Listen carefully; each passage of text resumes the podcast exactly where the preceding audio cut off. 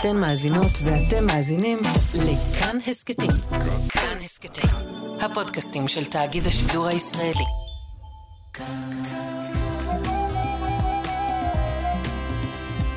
כאן תרבות. שישים החדש, עם איציק יושע. לחיות בגיל השלישי.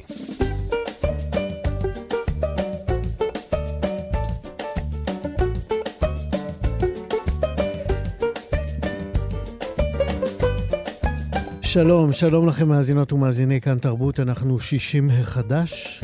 מיד אה, נדבר כאן על אה, נשים מרוקאיות אה, זקנות שמעבירות מסורות מוזיקליות, ויופיעו איתן בסיבוב הופעות עם התזמורת האנדלוסית אשדוד. נדבר גם על זוגיות חדשה בגיל השלישי ועל אישה אחת שהתעקשה למות על פי דרכה. אנחנו נדבר גם על טיפול טלפוני בדרמה, דרמה תרפיה למבוגרים.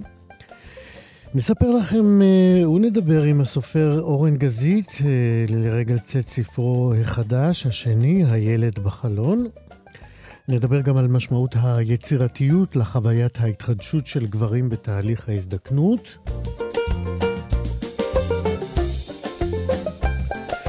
עוד אה, נספר לכם על סיעור מוחות האקתון שנועד לתת פתרונות נוספים לסיוע לזקנים בעיתות חירום. וגם נדבר על אה, ביטויי גילנות בתקשורת הישראלית, כפי שהם אה, משתקפים במחקר חדש. בחודש הבא יגיע להופעות בישראל אה, מישל פוגן בשירי הבזאר הגדול. במהלך השעתיים האלה אנחנו נשמע שירים מהמופע הזה שקיבלו גרסאות עבריות אי שם בשנות ה-70. אלה ועוד ככל שנספיק. בצוות היום טל ניסן עורכת משנה ומפיקה. שלום טל, תתחדשי. זאת הזדמנות uh, שאני שמח לקחת עכשיו uh, ולהודות מאוד לשירי כץ, עורכת המשנה ומפיקת התוכנית שסיימה את uh, תפקידה.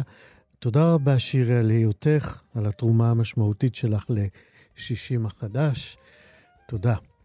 טכנאי השידור שלנו הוא אלון מקלר, אני איציק יושע, אנחנו מתחילים.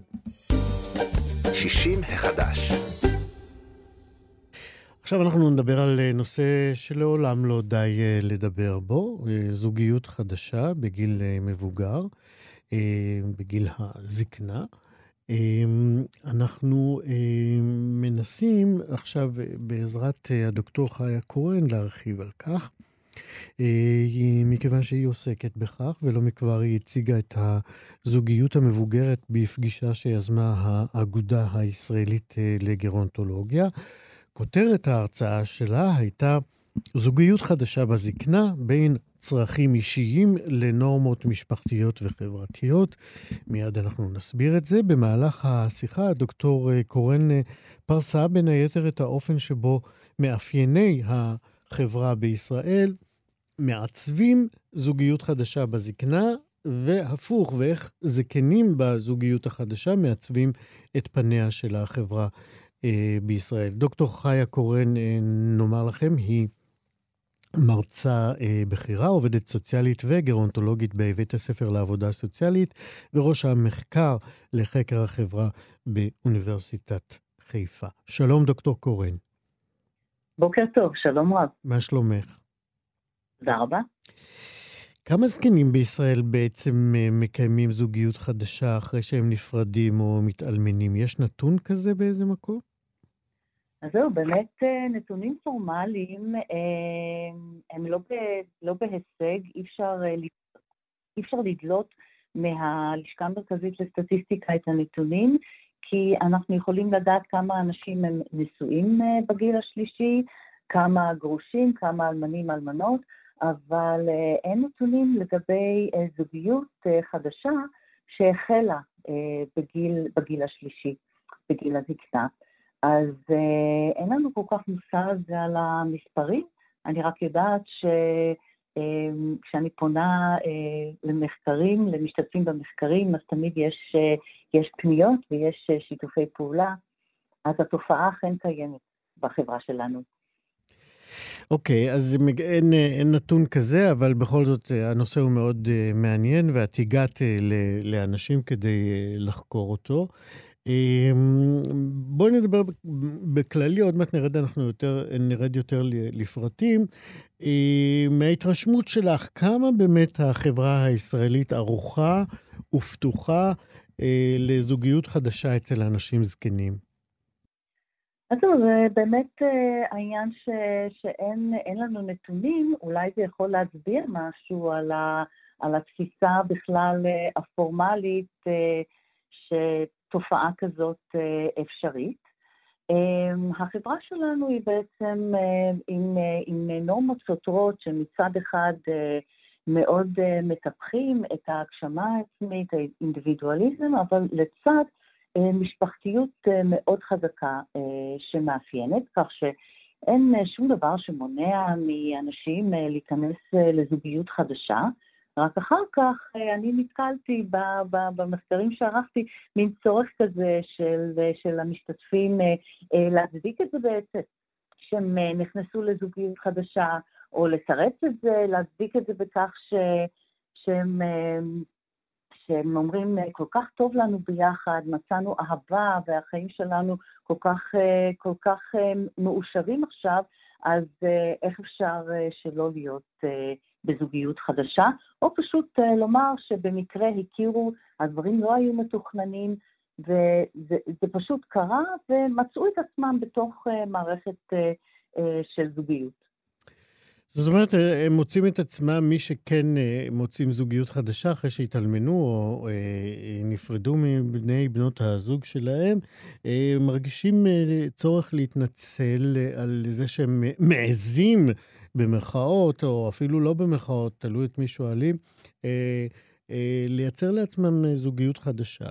אה, תנסי באמת לעזור לנו להבין את הסתירה הזאת בין הציפייה אה, מה, מהחברה, מאיתנו, מכולנו, שאנשים זקנים, יהיו, אנחנו נשמח שהם ימשיכו להיות חיוניים, אבל כשזה מגיע לרומנטיקה ולזוגיות, אה, פתאום מפעילים את כל מנגנוני השמרנות.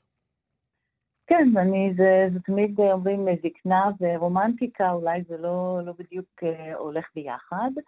אמ, ובאמת, אה, כמו שאמרתי, אה, אני כביכול כנציגה של החברה שבאתי לראיין את האנשים, אז בעצם דיברו איתי כביכול כנציגה של החברה, על מנת בעצם, במרכאות, להכשיר את התופעה.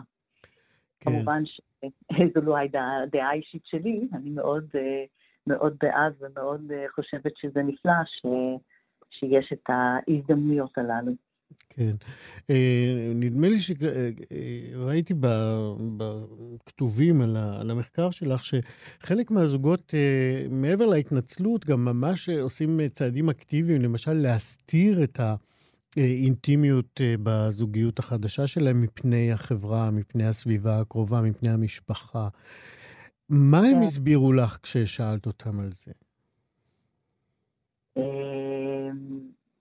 מה, ש, מה שעלה, שיותר אה, טוב, יותר טוב שיודעים שאנחנו חברים, יודעים שיש לנו, שיש בינינו קשר, אה, בעצם יודעים שהוא ידיד בית אמ, ואנחנו חברים, אבל אה, לא, לא נכנסו, אה, לא נכנסו אה, מעבר לזה. בעצם לא, לא שאלתי או לא... הם, הם לא הביעו חשש מהתגובות של המשפחה? יש, את יודעת, אולי עדות מסוימות או מגזרים מסוימים שלא מקבלים בעין יפה, שנגיד אישה שהתאלמנה מוצאת לה זוגיות אחרת. אה, הם חששו מתגובות כאלה, למשל? אה, בדרך כלל, אה, אלו שאני, שאני ראיינתי אותם, הם קיבלו תמיכה מבני המשפחה. העניין לא היה כל כך מבני המשפחה, יותר מהתחושה הכללית בחברה. למשפחה לפעמים היה קשה בהתחלה לעכל את העניין הזה, אבל מצאו כל מיני צורות איך לחיות בשלום עם העניין. למשל, טוב, אנחנו, העיקר שטוב, העיקר שטוב, העיקר שטוב לאבא, סבא, העיקר שטוב לאימא, סבתא, שמצאו זוגיות חדשה, ואז התחילו גם לראות את כל היתרונות ש, שיש בדבר, כמה שזה מסייע גם להתמודד עם הבדידות, ש, וכמה זה לפעמים מוריד קצת מה, מהצורך החברתי עם הילדים, כי יש את בן בת הזוג החדשים שמהווים באמת ככה שותף לחיים. כן. האם מהמחקר שעשית את יכולה למתוח קווים מאפיינים של זוגיות שנייה בגיל מבוגר? כן, אז, אז קודם כל באמת מה שמאפיין שה, מתחילה בגיל, בגיל 60 פלוס, ואפילו מעבר לכך, ורוב האנשים, לפחות בישראל, מעדיפים לא להינשא באופן פורמלי, אלא או לגור ביחד ללא נישואים פורמלי, או הרבה מאוד להמשיך לגור כל אחד בדירה משלו, ולקיים את הזוגיות פעם אצל בת הזוג, פעם אצל, אצל בן הזוג. והדבר המהותי השונה, אני מוכרחה כאן לספר סיפור של אחת הנשים שממש, היא אמרה לי, את יודעת, היא ממש פלנטה אחרת. והיא רצתה להדגים לי את זה באמצעות מטאפורה mm-hmm. של זריקת אבן למים. היא אומרת, תראי, בזוגיות החדשה על האבן יושבים בני הזוג, וזורקים את האבן למים, ויש את העיגולים מסביב, העיגולים מסביב, האדוות, כן. הנכדים, המשפחה, החברים, ובנישואים, על האבן, זה, זה, היא אומרת לי, זה ממש סלע, יושבים על זה גם בני הזוג, גם הילדים, גם הנכדים, וזורקים את האבן הזאת למים, ואז מסביב זה החברים והחברה. כך שבמטאפורה הזאת היא רצתה להדגיש שבזוגיות החדשה באמת בני הזוג הם אחד עם השני, וזה פחות עניין של לערב את בני המשפחה בתוך כל החיים, והרבה פעמים גם רואים, הרי בחלק מהמחקרים אני גם ראיינתי ילדים ונכדים של בני הזוג, ש... Mm-hmm. שהם בזוגיות חדשה, והם מרגישים שבאמת כל, כל בן בת זוג, הם, הם ממשיכים את הקשר עם המשפחות שלהם, הילדים והנכדים, ו, ובדרך כלל אין את הערבוב בין שתי המשפחות, כמו שקיים אולי ב... במה שקיים יותר. בזוגיות ש... צעירה יותר. בזוגיות חדשה צעירה, צעירה יותר, וזה באמת משהו ככה של, של זוגיות נטו עם, עם, עם בני הזוג. את יכולה להגיד אה, גם כן מהמפגש עם אה, אותם אה, נחקרים, מה גורם לאנשים להימנע או דווקא מאוד מאוד להשתוקק לזוגיות בגיל שאחרי כן, התאלמנות? ההשתוקקות לזוגיות זה, זה, זה ממקום של, של בדידות, של לא, לא לרצות להיות לבד. זה ממקום של אה, אנשים אה, עצמאים מתפקדים, אה, שהזוגיות הקודמת שלהם הסתיימה, הם רוצים עוד להמשיך ליהנות מהחיים כל עוד אפשר, וזה מניע מאוד מהותי ומרכזי. מה שלפעמים ככה מונע זה החשש איך זה ייראה. זה מין, לפעמים זה נתפס כ... איזושהי בגידה בזכר האישה המנוחה או הבעל המנוח, ומין תפיסה כזאת שאולי באמת בגיל, בגיל הזה זה, זה, זה לא מתאים, זה לא מתאים להיכנס לזוגיות אה, חדשה, ואני רוצה להתנהג אה, כמו שמקובל בחברה, אני רוצה להתנהג אה, כמו שמקובל. זה ככה משותף לנשים וגברים. יש עוד איזשהו מניע עבור נשים, הרבה נשים לראשונה אה, בזקנתן, כאשר אה, הזוגיות הראשונה אה, מסתיימת, הרבה פעמים כתוצאה מאלמנות, הן חוות לראשונה באמת מין עצמאות ואוטונומיה שהם הצליחו לפתח בעקבות האלמנות, והן לא כל כך מהר רוצות לוותר על זה, והן קצת חוששות. אז זה ככה משהו ספציפי לנשים. כן, אז uh, הבנו שיש באמת uh, הבדלים בין uh, הגישות של גברים ונשים לזוגיות מאוחרת יותר. כן, וגם מבחינת בחירת צורת הזוגיות, נשים בדרך כלל מעדיפות להמשיך לגור אה, בדירה נפרדת, והגברים בדרך כלל אה, מעדיפים אה, לחיות יחד. למה עכשיו, את מייחסת את זה? הם בעצמם אמרו לי בצורה מאוד ברורה, כן, אנשים אמרו... צריכו, הוא רוצה מטפלת. אנשים אמרו, אני רוצה את הרומנטיקה, לצאת, לבלות ביחד, לא רוצה עוד פעם לדאוג לגבר, לעשות כביסה, לבשל, ו... והגברים מחפשים, הם מחפשים ככה באמת את ה... איך אומרים? מישהי לבוא אליה הביתה. מישהי ש, ש, שתדאג לא רק פיזית, גם, גם רגשית. Mm-hmm. כי נשים, הרבה פעמים יש להן את המסגרות חברתיות, רשתות חברתיות רחבות יותר מחוץ למשפחה, כמו חברות יותר מאשר גברים, והגברים, הרבה פעמים הרשת החברתית המרכזית זו בת הזוג. עכשיו תשאל, אה, אוקיי, אז איך אה, בכל זאת אה, אי אפשר בו זמנית גם לחיות ביחד כל הזמן באותו בית וגם בבתים נפרדים, אז איך מגשרים? איך? אז באמת, באמת זה משהו שיכולתי ככה להגיע אליו מתוך, ה, מתוך זה שראיינתי שני בני, בני זוג ש, שהם בזוגיות אחד עם השנייה, כל אחד אומנם מתראיין בנפרד, אבל הגברים ככה מצליחים לחיות בשלום.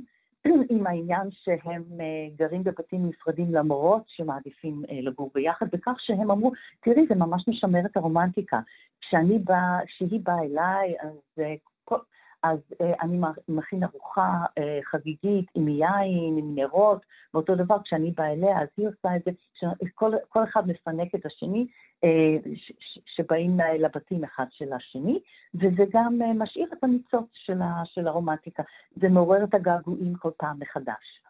אה, לגבי נשים שמתפשרות על בכל זאת לגור ביחד, אז הן בעצם אומרות, אוקיי, בסדר, אני רוצה את הזוגיות, לא רוצה לוותר על הגבר הזה, אז אני אעבור לגור איתו ביחד, אבל היא המשיכה להתקיים אה, כאילו שהיא גרה בבתים נפרדים. היא אמרה במפורש לבן הזוג שלה, תראה, אל תצפה שאני אבשל כל יום.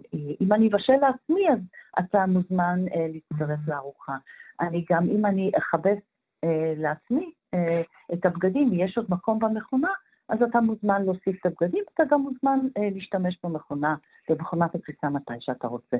כך שזה פחות מצא חן בעיני הזוג, אבל אלה, אלה כל מיני מנגנונים ודרכים שאפשר לגשר על, על הפשרה הזאת שעשו לגבי צורת הזוגיות בבתים נפרדים או בבית...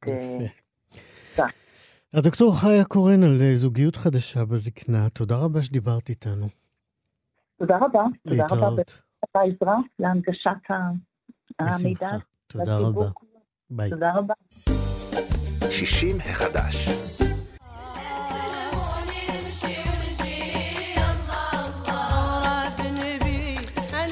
הקולות של אה, נשות אה, שפשואן הוא שם אה, מופע שמובילה התזמורת האנדלוסית הישראלית אשדוד, ובו היא מארחת מקהלת נשים ממרוקו. כל מי שביקר במרוקו בוודאי יודע משהו על העיר הכחולה, שפשואן, ועכשיו יש לקהל בישראל הזדמנות לשמוע את הקולות משם בסדרת הופעות שתתחיל ב... 29 במאי, ממש עוד רגע, ותימשך עד ל-15 ביוני. הזמרת שאנחנו שומעים עכשיו ברקע היא חיירה אפזז, שהיא בעצם מנהיגת ומובילת הרכב הנשים הזה שמביאות את... uh, הקולות של uh, שף שוואן. Uh, נספר לכם גם שהזמרת הישראלית מור קרבסי תתלווה למסע ההופעות הזה, ואנחנו רוצים עכשיו לדעת על מסורת הנשים הזאת שעוברת מדורי דורות. אה, כמעין מורשת שהנשים הזקנות מנחילות לדורות אה, שבאים אחריהן. אה, ועכשיו יש לנו גם הזדמנות לדבר על כך ולשמוע עוד על המופע הזה עם יעקב בן סימון, שהוא מנכ"ל התזמורת האנדלוסית אשדוד. שלום יעקב. שלום איציק, מה שלומך? תודה רבה, איך אתה? מצוין, לחוצים, עובדים, מתרגשים מאוד. יפה, אז ספר לנו קצת על, אה, על ההרכב הזה, הקולות של אה, נשות שף שוואן. אה, האמת שקודם כל, מבחינת ה... מתחילים מהעיר עצמה, שאולי מה שאנשים לפעמים קופץ להם בכל מיני מקומות, זה, זה הצבע הכחול החזק בתוך. בתמונות או באינטרנט ש, שרואים, ומי שמכיר... כן, ו... העיר הכחולה, כן. מי ש... הכיר והגיע לשם, אז זה הדבר החזק ביותר שקופץ שם, זה מאוד מאוד מושך את העין, ולכחול יש גם משמעות של כצבע רוחני בהרבה תרבויות, אה, והוא גם... גם נגד עין רעה, לא? מה? גם, גם נגד נכון, עין רעה. נכון, בהרבה תרבויות, גם אצלם. הוא צבע שלו ורגוע, ו... והוא גם, שם גם מסמל גם את המים, שיש שם מעיינות שזורמים, אה, שפשרואה נמצאת אה, במורד הזרם של ערי הריף שסובבים את, ה, את העיר המיוחדת הזאת, ובהיסטוריה שלה, בזהות שלה, שהתפתחה סביב המלחמות מול הפורטוגזים והספרדים, ו, ו, וגירוש ספרד המוסלמית, ש, שגם, שהגיעו מספרד לשפשרוואן, כל אלה אה, אה, אה, גיבשו איזושהי זהות רוחנית וארכיטקטורה מסוימת ונתנה לה מקורות מאוד מאוד מיוחדים, והיא מיוחדת אפילו במרוקו מבחינת האינטימיות שיש בה. היופי של ההרכב שאנחנו אה, אה, משתפים בעצם, אחד הדברים שהתפתחו שם אה, מוזיקלית, נתחיל עם זה שפשרוואן עצמה היא עיר מאוד רוחנית באופייה, בעלת אופי דתי, אפילו ערש, ערש קטן של סופיות, של, של המוזיקה הסופית, ו, ואפשר למצוא שם כל הזמן אה, תפילות ומסגדים ושירה וסביב אה, אה, הרוחניות הזאת שהתפתחה בה, והתפתח סגנון מוזיקלי מאוד מסוים. על חדרה. על, חדרה, כן. שבעצם מי ש... אה, הוביל אותו לאורך השנים והוא מזוהה מאוד בעצם עם השירה הנשית. זאת אומרת, אלו נשים, אלו הן מובילות את, ה, את השירה הזאת, את הסגנון הזה, שיש בו גם תפילה, יש בו גם אהבה, יש בו גם כאב.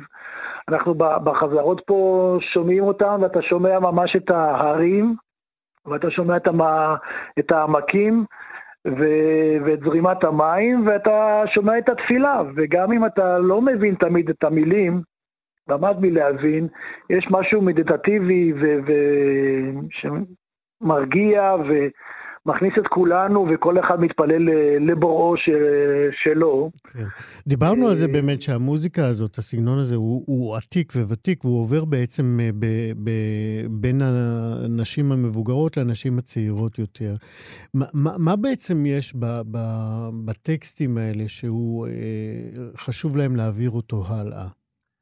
א', כמו, כמו שציינתי, הוא מאוד מבטא את, ה, את הרוחניות של, של, שיש ב, ב, ב, בעיר, והם גדלים בתוך איזושהי רוחניות ו, ודתית, כל אחד יותר או פחות, אבל זה בעצם מאפיין את ה... ה, ה אה, אה, כמו במוזיקה הסופית, אה, בעצם סוג של תפילה. לטבע שנמצאים בו, לבורא עולם, לאלוהים, לנביא מבחינתם, ו, ו, ו, וזה מה שמשקף. יש גם תכנים שהם, אתה יודע, קצת יותר חילוניים. כן, יותר... כן, בהחלט. אז יש הרבה שירי, שירי אהבה, אה, הם, הם, ושירים גם לטבע עצמו.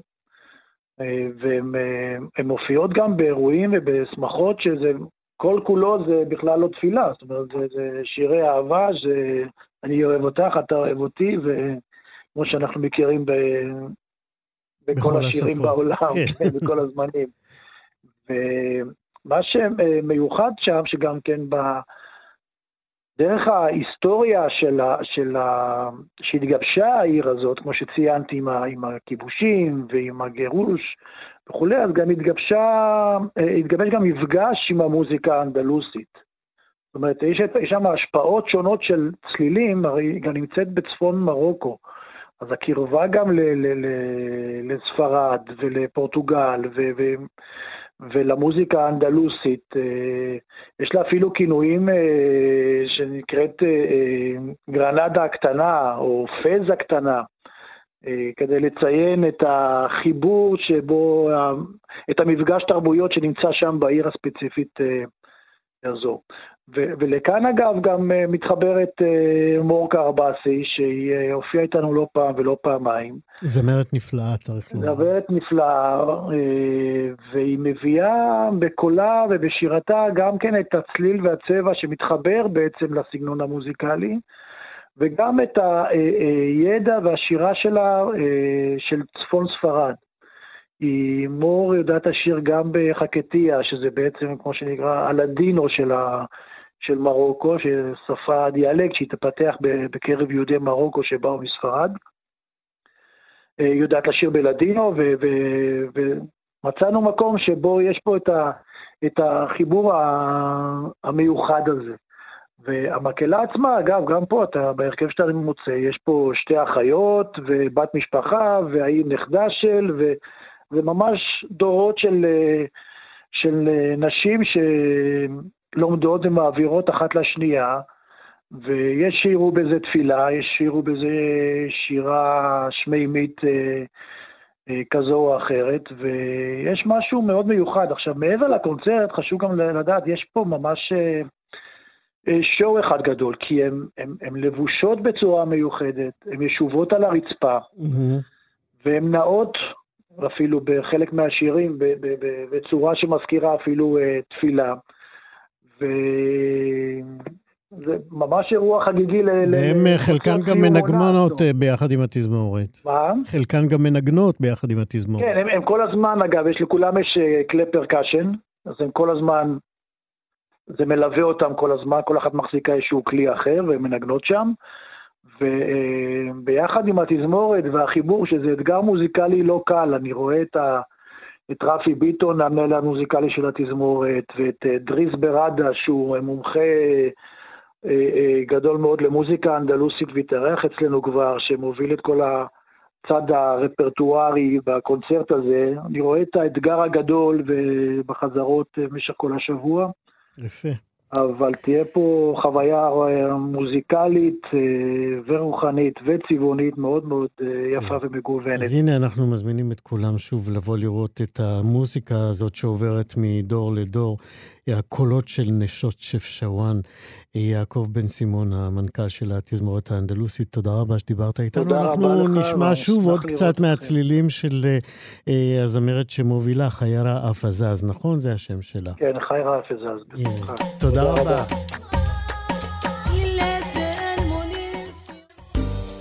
שישים החדש.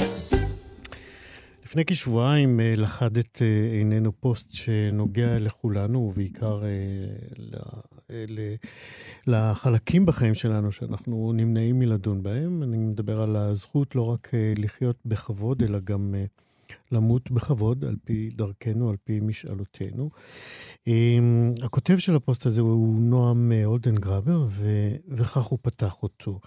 הוא כותב, איך למות בסטייל על פי יפה אולדנגרבר, מדריך לגוסס החובב ולכל מי שעלול למות אי פעם, לזכרה של אמי שידעה למות. שלום נועם אולדנגרבר.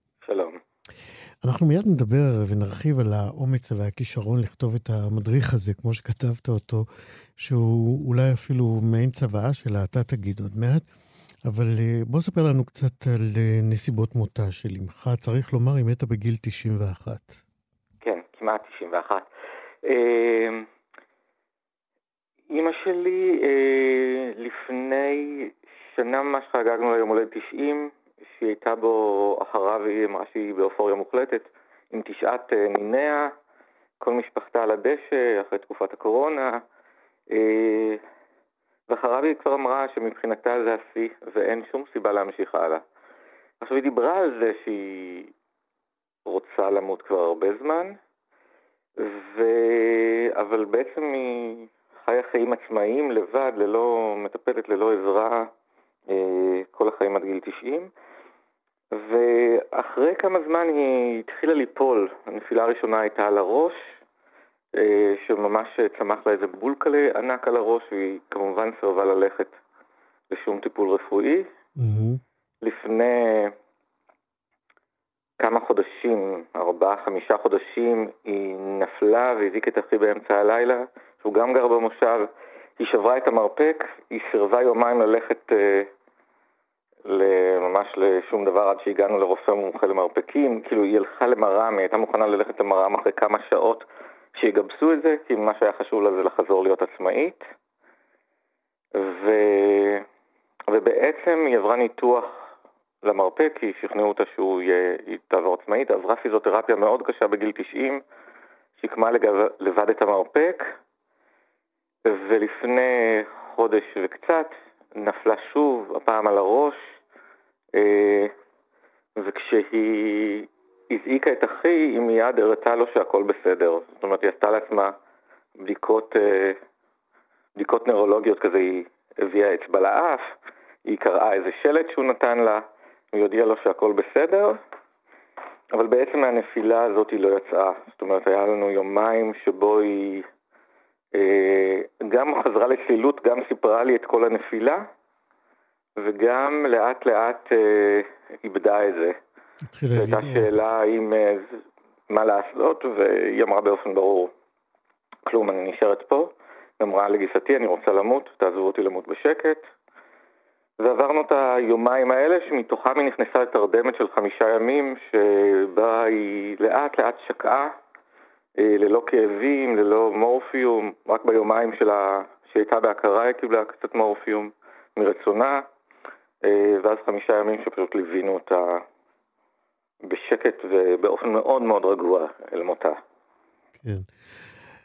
מהיכרותך כמובן את אמך, אה, זה היה נראה לך מהלך ממש טבעי, האופן שבו היא ביקשה אה, לסיים את חייה, נכון? תראה, זה, אני חושב שזה היה, אה, להגיד טבעי זה מוזר, אבל זה היה יותר מהגשמת חלומותיה. זאת אומרת, היא ביקשה, שזה עוד היא יותר מוזר להגיד, והיא קיווה כן. שאנחנו נמצא את גופתה בבוקר. כן.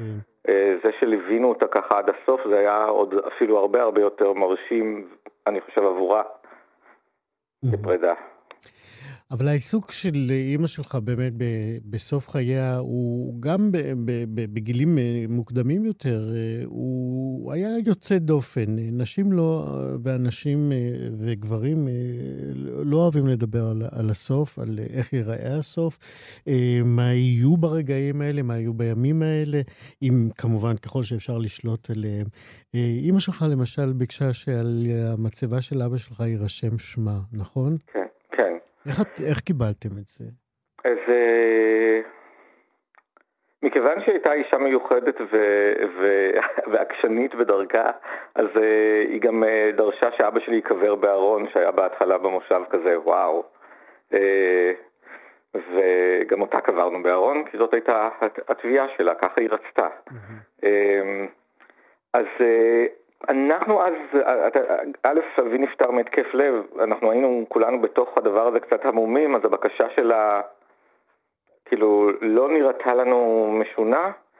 אה, מי שהעיר את תשומת ליבי זה אחר כך אה, דווקא באמת הדוד שלי ואחר כך חברים שסיפרתי להם את זה, אמרו לי וואו, זה מטורף הבקשה הזאת. אז אנחנו קיבלנו את זה נורא טבעי. למה זה אה. מטורף? למה, מה אמרו לכם כשאמרו זה מטורף? שהבן אדם לא רושם את אה, שמו על המצבה. אין, אה, אתה, אין לך מצבה, אתה לא, לא עושה את הדבר הזה, אתה לא מסתכל על המצבה שלך ואומר, היי, פה אני אמות. אנשים כנראה באמת לא רוצים לדעת את הדבר הזה, ויש במצבה שהשם שלך רשום עליה, משהו נורא נורא מוחשי. זה באמת אה, להחליט לפגוש את המוות אה, כל הזמן, אה, בידיעה ברורה. אה, שזה, שזה, אה, בדיעבד, באמת, בדיעבד אני הבנתי את המעשה הזה. אני מבחינתי הלכה שם לקבר אחת לשבוע כמעט כל עוד היא יכלה. לחשוב על זה שהיא כל שבוע רואה בעצם את השם שלה קבור על המצבה, זה לעשות באמת איזה אה, תהליך אה, מדיטטיבי מאוד עמוק עם משהו. כן. אתה כותב אה, באותו פוסט אה, ששנים היא הייתה מסיימת אה, שיחות חולין, לא באמירה להתראות אה, האופטימית, אלא באמירה, אני רק רוצה לגמור יפה. אה. ואתה כותב, והוא ממשיך, אומר, מה שנשמע לעתים כמו גניחה פולנית היה בעצם מנטרה. אה, איך, איך באמת אה, זה התקבל? אה, אתה דילגת על זה, כמו שאתה מעיד עכשיו, אה, כ- בלי להתעכב על זה הרבה, אבל מסביבה היו בוודאי תגובות אחרות. תנסה לזכור חלק מהן. תראה, אה, גם אני, כאילו, הרבה פעמים כשאתה אתה, אתה מבקר אותי משהו ועד הסוף שלה היא לא אומרת לך להתראות איתי, רק אני רוצה למות יפה, אז אתה אומר לה, אמא די, את כבר 20 שנה אומרת את זה. אתה יודע, גם בזה איזה אלמנט גם שלי, של אה, מה את חייבת לדחוף את זה כל הזמן. בסדר, הבנו שאת רוצה למות יפה. או, או למה את מתעסקת כל הזמן בדבר הזה. כאילו, היה גם... גם חוסר סבלנות, גם אצל אחרים, זה היה מין כזה לחייך כבר ולגחך. כאילו, באיזשהו שלב היא גם אה, ביקשה שהפסיקו לאחל לה אריכות ימים. נכון, נכון, ממש אחרי יום הולד 90, אז היא אמרה זהו. כאילו, כל פעם שמישהו אמר לה, וואו, את בת 90, עד 120, אמרה לו, אוי ואבוי, איך אתה מדבר אליי, אתה מקלל אותי. אה, כן, היא הייתה מאוד נחושה בדבר הזה. כן. היא אמרה גם כאילו שמבחינתה תרבותית אנשים לא מבינים מה זה להזדקן ואין אין שום, אה, אין שום סיבה ואין שום דבר טוב באריכות ימים. יש איזה שלב שסיימת וזהו. היה איזה שיחה בינינו לפני איזה שנתיים, שאני אמרתי לה, אם היו נותנים לך, שאני חושב שזה רעיון נפלא, אם היו נותנים לאנשים שלושה כדורים, שהם צריכים לבלוע את שלושתם בהפרש של uh, שלוש שעות כל פעם. עד שהם, אה, רק, רק אם הם מסיימים את שלושת הכדורים, הם באמת נפרדים מהעולם. וזאת הייתה בחירה שלהם. לאנשים בגיל מסוים או, ב...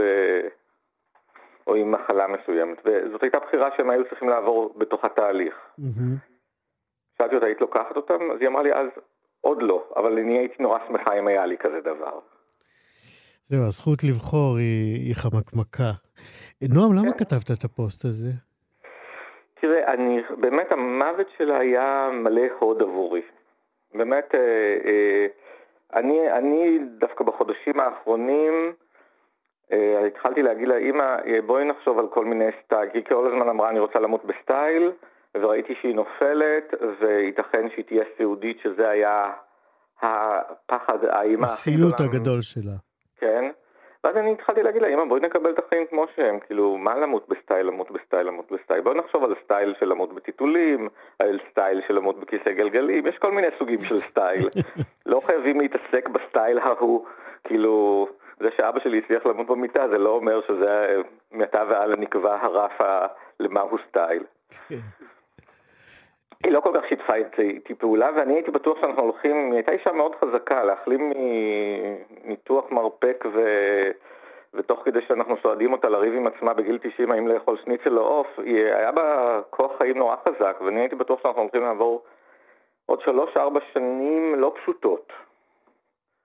אמ, משהו בנחישות שלה וגם אה, ביומיים האלה שהיא הייתה בין לבין, אה, לעשות לעצמה בדיקות נוירולוגית, להזיק אותי באמצע הלילה, לעשות בדיקת לחץ דם, ועדיין להגיד אל תפריעו לי למות. אה, משהו בדבר הזה, ומשהו בתהליך של להיות אה, עד וחווה לתהליך הגסיסה שלה, שאפשר לנו לעשות, שלושת האחים להיות בבית ולעשות שבעה בינינו, תוך כדי שהיא שם. אה, לראות את הגוף ככה, או אותה עוזבת את הגוף מאוד מאוד מאוד לאט. למזלנו גם באמת נחסך מאיתנו, זה היה אה, בלי איסורים, לא היינו צריכים להתלבט אם לתת לה מורפיום או לא. היא נראתה נורא נורא יפה עד הרגע האחרון. היה בזה הקלה מאוד גדולה וסוג של נס מבחינתנו, שלא, אתה יודע, זה לא שנצבט הלב. זה כאילו, וואו, היא עושה את זה באמת, באמת בסטייל. אז משהו בזה שהצליחה להגשים את החלום שלה בכזה מופת, לא יודע, זה, זה עשה לי משהו. ואני אני עוד uh, בחוויה שלי תחת איזה שיעור נורא עמוק שעברתי בתוך הגסיסה שלה ובתוך המוות שלה.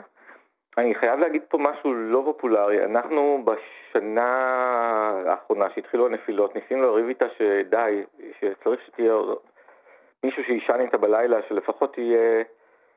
אה, מטפלת רק בלילות, אם לא גם בימים. אנחנו, כשהיא שברה את המרפק, בעצם שלושתנו עשינו משמרות. ומכיוון שהיא הייתה חזקה והתעקשה להיות עצמאית, בסופו של דבר, בדיעבד, זה היה בזה חסד מאוד גדול שעברנו אנחנו איתה את כל התהליך הזה. עכשיו, גדלתי במושב מאוד קטן, גן יאשיה, לנו היו שכנים, אה, משפחת כהן, שהיה שם אה, סבא שהוא היה, כאילו, כולנו אמרנו שהוא בן מאה, היו שם אה, בנים ו- ונכדים, ואנחנו כל הילדים של השכונה שיחקנו. עכשיו הוא היה, אז היו מגדירים אותו כאלצהיימר, ואמא שלי אמרה, תראו איך, הם, איך כולם חיים ביחד. איך, איזה יופי זה שילדים משחקים בחצר והוא יושב שם ו- וככה לגמרי באאוט, או, או, או, או כאילו... מנותק, אה, כן. והדבר הזה קצת נעלם מהעולם. האפשרות שכל הגילאים, כולנו מטרד אחד של השני, ילדים הם מטרד וחייבים לשלוח אותם למוסדות, וזקנים הם מטרד שחייבים לשלוח אותם למוסדות. והדבר הזה של בעצם, אה, כן, יש חיים ומוות, וכולם חיים בקהילה. עכשיו מצד אחד היא הריצה אותה, מצד שני כש... כשהיא הלכה והזדקנה ואחותי הציעה לה לעבור לגור איתם, היא לא הסכימה, כי היא הייתה כבר אישה מודרנית שחיה את החיים, והעצמאות שלה הייתה נורא חשובה, והחלל שלה היה נורא חשוב לה, והזמן שלה היה נורא חשוב לה. ולהיות פעילה. חיים- זה לא רק להיות פעילה, זה, זה, זה, זה, זה, זה מה זה המרחב הזה של פרטיות. שאני חושב שאנחנו כולנו נורא נורא מכורים אליו, אבל איבדנו את הדבר הזה של, כן, מתים בתוך קהילה, לא מתים בבית חולים כשאף אחד לא רואה. כן. כאילו, הדבר הזה של... אה, אה, כן, שני, שני הקצוות של גם לידה וגם אה, מוות שהפכו להיות אירועים רפואיים, זה, זה טירוף תרבותי. כן. אבל זה באמת דיון אה, שממש מתרחב מכאן. אה, נועם אולדנגרבר על הלמות בסטייל של אימא שלך. תודה רבה ששיתפת אותנו. בבקשה. להתראות. 60 החדש.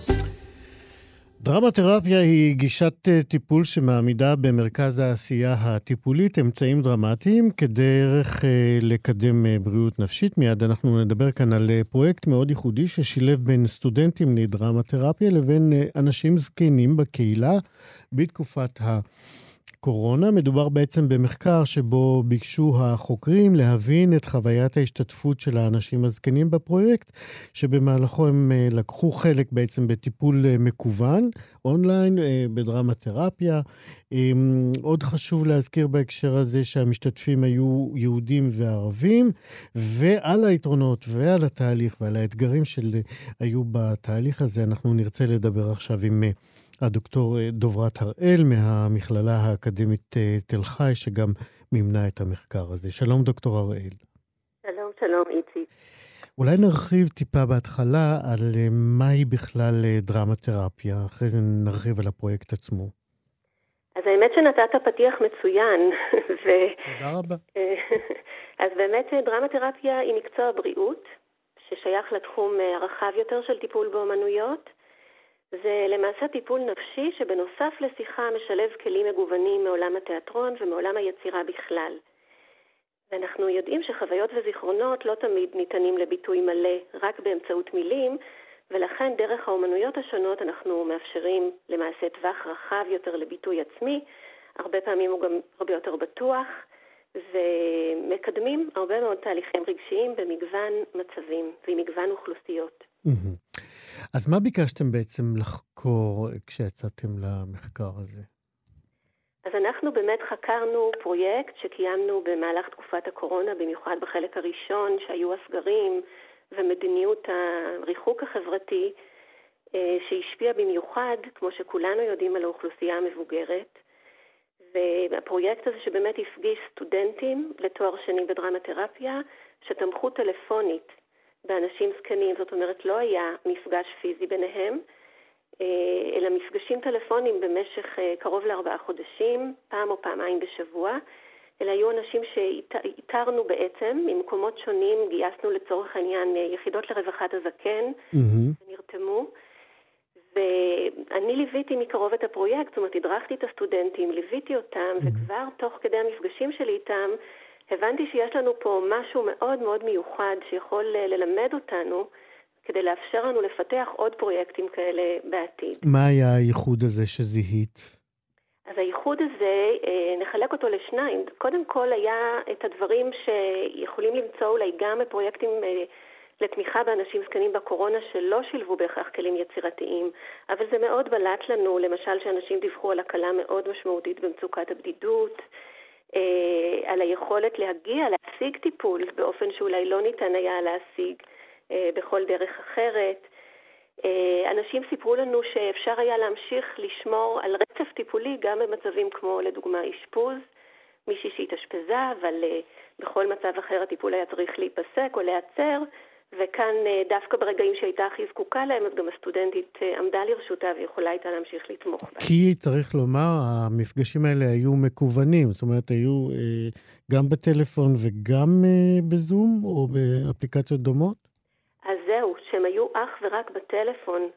אפילו, אה, אפילו במפגשי זום, רוב האנשים בעצם לא הצליחו לקיים בגלל כל מיני מגבלות טכנולוגיות ואחרות, ולכן מדובר על שיחות טלפוניות.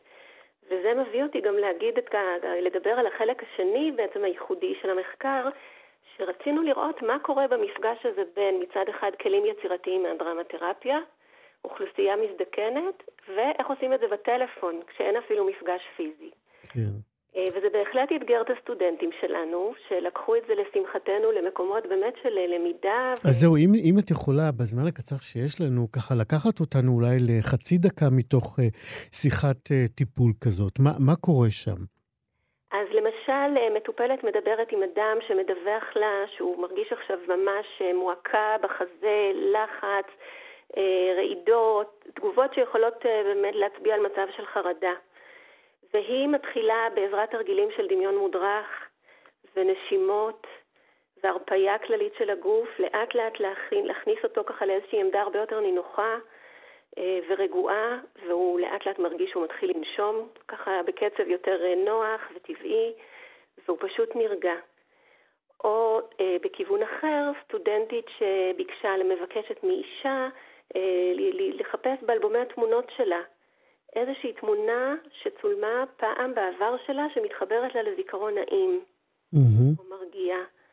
ומשם בעצם נפתח סיפור שלם שהאישה מספרת לנו אחר כך כשראיינו אותה, שהיא אמרה, דיברתי וסיפרתי לה על איזשהו אירוע בחיים שלי שבעצם אף פעם לא דיברתי עליו. אבל משהו בתמונה,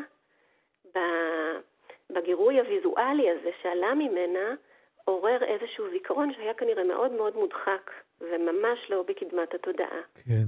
הזכרתי שהקפדתם לשתף בפרויקט הזה יהודים ו- וערבים, שזה מרתק בפני עצמו. האם יש פערים או יש הבדלים בגישה של אה, המטופלים הזקנים אה, לסוג הטיפול הזה?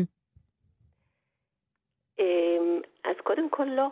אז הנה עובדה, כשאנחנו מזדקנים ומתפתחים, ולא משנה מה העדה שלנו, הדת שלנו, ואנחנו עוברים דברים מאוד מאוד דומים בכל השפות ובכל התרבויות כנראה, אה, לפחות מהניסיון הקטן שלנו. אה, ראינו דברים מאוד דומים, אה, גם בנושאים שאנשים העלו במפגשים, גם באופן שבו הפרויקט עזר להם.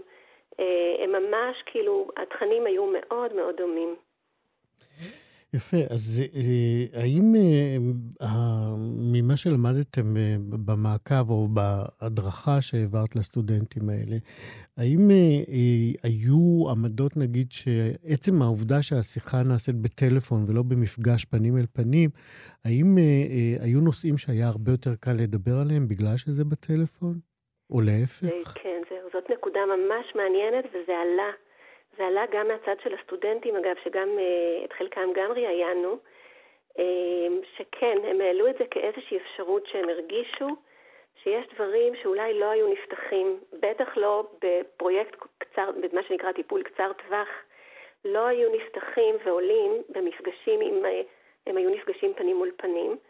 ויש כנראה גם, יש הרבה מגבלות, כן, שקשורות למרחק ולחוסר האפשרות להיפגש פיזית, אבל כנראה שיש גם יתרונות, וזה בדיוק קשור לנקודה הזאת. משהו לפעמים במרחק דווקא שומר עלינו ונותן לנו איזשהו ביטחון כדי לבטא ולהוציא ולשתף אה, דברים מאוד מאוד עמוקים ומאוד אינטימיים. זאת אומרת, בעצם המסקנה הבולטת היא, א', שהמדיום הזה, הטלפון, הוא בהחלט אה, אה, טיפולי יעיל מאוד מאוד מאוד, במיוחד לאנשים אה, שלא יכולים אה, להגיע לפגישות האלה. אה, והמחקר הזה, אני מניח, גם אה, משמש איזשהו בסיס לתוכניות אה, נוספות לטיפול בדרמה-תרפיה, נכון? רק אגיד שזה באמת לא רק אה, אה, טיפול טלפוני, אלא באמת טיפול טלפוני ודרמה תרפיה. כן. באמת ראינו שלכלים עצמם היה ערך אה, מאוד מאוד משמעותי, ובדיוק כך אנחנו גם את המסקנות, המסקנות האלה עכשיו אורזים ככה טוב טוב כדי ליצור ולגבש מהם פרויקטים עתידיים, כדי להיות מוכנים וערוכים לתמוך באנשים הזקנים בכל מצב ובכל שעה שלא תגיע. נקווה שלא נצטרך, אבל אם כן, אז שנהיה ערוכים לכך. יפה. הדוקטור דוברת הראל, תודה רבה מאוד שדיברת איתנו. תודה רבה. להתראות. 60 החדש, עם איציק יושע. לחיות בגיל השלישי.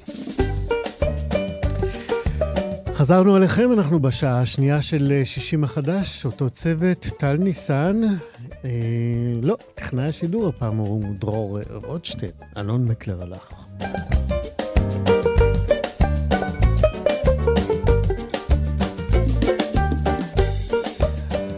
עוד מעט אנחנו נדבר כאן על משמעות היצירתיות לחוויות ההתחדשות של גברים בתהליכי ההזדקנות שלהם. אנחנו נדבר על סיוע לאזרחים ותיקים בשעת חירום ועל ביטויי גילנות בתקשורת הישראלית כפי שהם באו לידי ביטוי בתקופת הקורונה. זה פרי מחקר שמתפרסם. אלה ועוד, אנחנו מיד מתחילים. 60 החדש. עכשיו נדבר על אחד הספרים הכי יפים שקראתי בזמן האחרון, בשנה האחרונה, וקראתי כמה וכמה. ספר שאני חייב להגיד לכם שאם הוא לא יהפוך לסרט, אז הוא ישאיר את עולם הקולנוע מאוד חסר ועזוב. זו דעתי. מדובר בספר הילד בחלון, של אורן גזית, זה הספר השני שלו. הראשון היה הסוף הראשון והסוף השני, זה השם של הספר הראשון. Uh, הילד בחלון, כך כתוב עליו uh, בכריכה, הוא רומן מותח, מצחיק ושובר לב על משפחה ועל הורות, אבל uh, בעיניי הוא בעיקר מפגן כתיבה נפלא של אורן גזית, וזה ממש תענוג לומר שלום לסופר. אורן גזית. שלום אורן. שלום יושע, תודה. תשמע, בספר הראשון אתה הוכחת שאתה כותב נפלא, אבל עכשיו אתה כבר סופר נהדר. בסדר? תודה, מקבל. אז תשמע, למי שלא מכיר, לא, לא קרא את הספר, ואני רוצה לתת איזשהו תקציר קטן, ומשם אנחנו נמשיך את השיחה שלנו. אז ככה, יש 18, 18 שנים עברו מאז שכצל'ה, שהיא גיבורת הספר, כן, נכנסה לחנות ברחוב ביאליק ברמת גן. היא נכנסת כדי לשאול אם יש אוברולים לתינוקות. וכשהיא חוזרת ומציצה בעגלה, היא מגלה למרבה הזוועה שהתינוק שלה נעלם.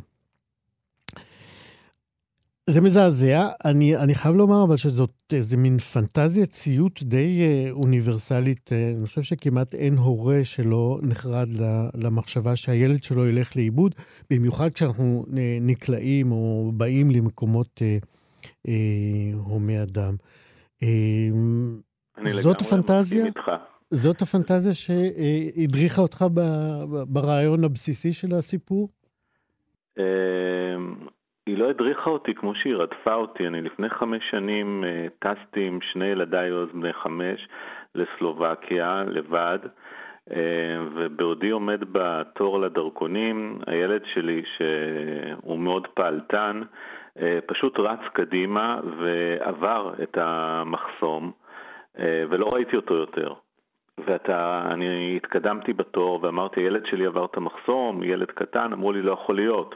אף אחד לא עבר מחסום, יש פה משטרות, אתה כנראה איבדת אותו, אתה לא מוצא אותו, ואתה יודע שהילד עבר את המחסום, וגם לא נותנים לך להתקדם, ואני עומד חצי שעה בתור של הדרכונים עם הילדה השנייה על הידיים, ואתה חסר אונים, והשוטרים לא נותנים לך להיכנס ולא מאמינים לך, ו- והדקות האלה נראות כמו נצח. אני כבר לא נושם, כן. וכשאתה עובר את המחסום, אין ילד. הוא לא מאחורי המחסום, וזה שדה תעופה קטן, והוא לא ליד המסוע של המזוודות, והוא לא בחוץ, והוא לא נמצא. ואין לך אוויר, ו, וכל המחשבות הכי נוראיות מתגלגלות לך בראש, והילדה שעל הידיים שואלת, אה, אבל איפה הוא, אבל איפה הוא, ואתה אומר לה עוד שנייה נמצא, ואתה מנסה להאמין בזה. והמשטרה מוכנה להכריז עליו, אבל רק בסלובקית, שזו שפה שהוא לא ממש דובר.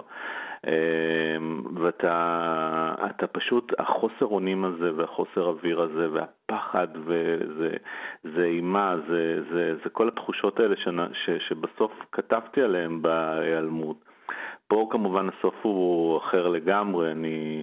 אחרי עשרים ומשהו דקות ראיתי שיש שם אגף בשיפוצים, אני, ואמרו לי אף אחד לא יתקרב לשם כמובן, ויש שם גדר, ועברתי את הגדר ופתחתי את הדלת ומצאתי אותו. הוא ישב שם וכעס עליי שאני נעלמתי לו.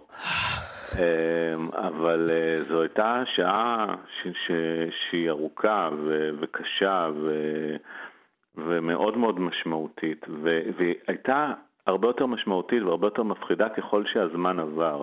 החלומות, החוסר אונים, זה שאתה הורה שאמור להגן על ילד שלך ולא מסוגל, אתה, אתה לא, אין לך מה לעשות.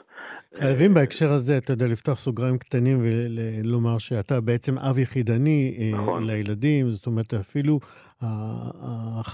לחלוק את, הסיוט עם, עם אה, עוד מישהו, אה, לא היה לך את האפשרות הזאת. נכון, אז, אז זה, זה אחד הפחדים ש, שהתעסקתי בהם mm-hmm. בספר. אז הפנטזיה הזאת, שהיא לא פנטזיה בשבילך ובשביל רבים, אה, אה, הייתה מציאות אה, כואבת אה, אה, ומרעידה. אה, היא בעצם אה, אה, לקחה אותך ונתנה לך אולי חומרים לתוך דמותה של כצל'ה. ספר לנו על כצל'ה. כצל'ה אישה בשנות ה-40 שלה, שאימא שלה נפטרה ואבא שלה התחתן בפעם השנייה. אה, והיא ואחיה היו צוות אה, כל הילדות כנגד אה, האם החורגת ש... שטיפלה בה והאבא. התחתנה עם אהוב נעורים. לא ברור אם מתוך אהבה או מתוך הרגל או מתוך רצון פשוט לצאת כבר מהבית. אני לא חושב שהיא באמת ידעה פעם שיאהבו אותה או, או איך לאהוב. ואז מהרגע שנעלם לה הילד, אה, מה שקורה זה שהיא לאט לאט מתערער הביטחון העצמי שלה בעצמה, בזיכרון שלה, במה שהיא זוכרת מאותו אירוע, כי גם המשטרה וגם המשפחה, כולם טוענים שיכול להיות שהיא העלימה את הילד הזה, מפני שהיא לא באמת רצתה אותו. אז זהו, כי אה, התקופה הראשונה שאחרי היעלמות הילד, אה, כמו שהיא מופיעה כבר בתחילת הספר, בעצם חושפת אותה לתגובות ולשינויים הנפשיים שהיא מתחילה, למסע הנפשי המערער והמטלטל שהיא בעצמה עוברת. אני ביקשתי ממיכל אסולין שלנו אה, לקרוא את הפתיחה הזאת. בואו נשמע אותה ביחד ונמשיך ונדבר על אה, איך הביטחון של כצל'ה מתערער ומה היא עושה כדי לזכור את הדברים. בואו נשמע את מיכל אסולין. הנייד שלי חזר וצלצל. אבל המשכתי לצייר ולא עניתי. הרבה מאוד שנים אני לא עונה למספרים שאני לא מזהה. בהתחלה אלה היו נשים שצעקו עליי ממספרים חסומים, תמותי, או הלוואי שתשרפי. אחר כך, כשהבושה נעלמה מהארץ, הן אפילו לא ניסו להסתתר. הן צלצלו לקלל אותי מהבתים שלהן, ממקומות העבודה, מהניידים של הילדים שלהן. הרבה מאוד פעמים החלפתי את מספר הנייד. לפני חמש שנים החלפתי גם את השם שלי. לא יכולתי לשאת אותו יותר על הכתפיים. נתתי לעצמי את השם של אימא שלי המתה, רחל. פעם הייתי קוראת כל מילה שהתפרסמה עליי. הייתי קוראת את התגובות, הייתי שותה את השנאה כדי שהיא תכאיב לי. עם הזמן למדתי שאני לא יכולה לוותר על הכאב. זו התחושה האחרונה שנותרה לי שעדיין עבדה במשרה מלאה. אימצתי אותה כדי שהיא לא תיעלם כמו השמחה, השעמום, האימה והעונג שעברו לרבע או חצי משרה. מתישהו הפסקתי לקרוא את מה שכתוב בכתבות האלה. קראתי רק את שם המגיב בטוקבק, ודמיינתי אותו בא בלילה ודופק לי מכות. כן, זה קטע הפתיחה מהספר הילד בחלון. אנחנו בשיחה עם איתך, אורן אה, גזית. תודה רבה למיכל אה, אסולין. אמ, אז אמרנו מכאן בעצם, אה, אחרי שהילד נעלם, מתקיים משפט, תגובות ציבוריות, חלקם שמענו בקטע שמיכל קראה. אמ, מהקטע הזה היא, היא כצל'ה מפתחת מנהג אה, מאוד מאוד משונה. היא כותבת כמעט כל אירוע משמעותי שהיא חווה, כי היא פוחדת שלא יאמינו לה, שלא, אה, אה, שהיא עצמה לא תאמין לעצמה. נכון. ספר לנו על ה, על ה, באמת על, ה, על המהלך הנפשי הזה שהיא עוברת אה, לאורך אה, אה, אה, הספר. הדבר שהכי חסר לה זה הליבי. אה, למה קרה לה כשנעלם הילד, כשהיא בעצמה כבר לא בטוחה מה היה שם. אה, וכדי ליצור לעצמה אליבי מתמיד, היא כותבת, היא כותבת את ה... כל, כל דבר שאומרים לה, כל דבר שיכול להתפרש ל, לכל מיני אה, אפשרויות ש, שמישהו יכול לתהות איפה היא הייתה ומה היא עשתה ומה היא אמרה. היא ממלאה מחברות שלמות אחרי כל שיחה, אחרי כל פעולה, היא כותבת, כדי שאם מישהו ישאל אותה, היא תוכל ללכת למקורות, לתנ"ך שלה, לשורשים שלה.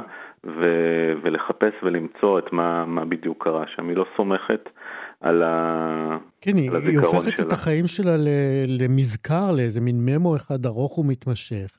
נכון. אה, אה, וזאת חוויה די קשה לאדם לחיות, אה, לא רק, אתה יודע, עם האשמה של הילד שנעלם, אלא גם עם, עם הצורך הזה באמת לייצר את אותו אליבי שאתה אומר שהיה חסר לה. נכון, היא לא חובה, היא מתעדת. כן.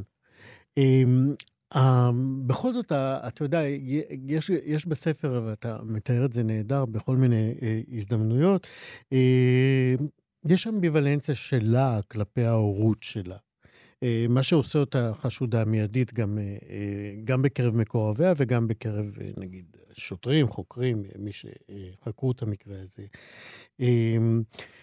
כמה באמת היה לך קשה לייצר את המתח הזה בין uh, שני החלקים האלה, של uh, מצד אחד uh, היא קורבן לאירוע בלתי נסבל, ומצד שני היא חשודה מיידית או, או מתמשכת. זה לא היה לי קשה, כי ברגע ש... שהבנתי את הדיסוננס הזה ב...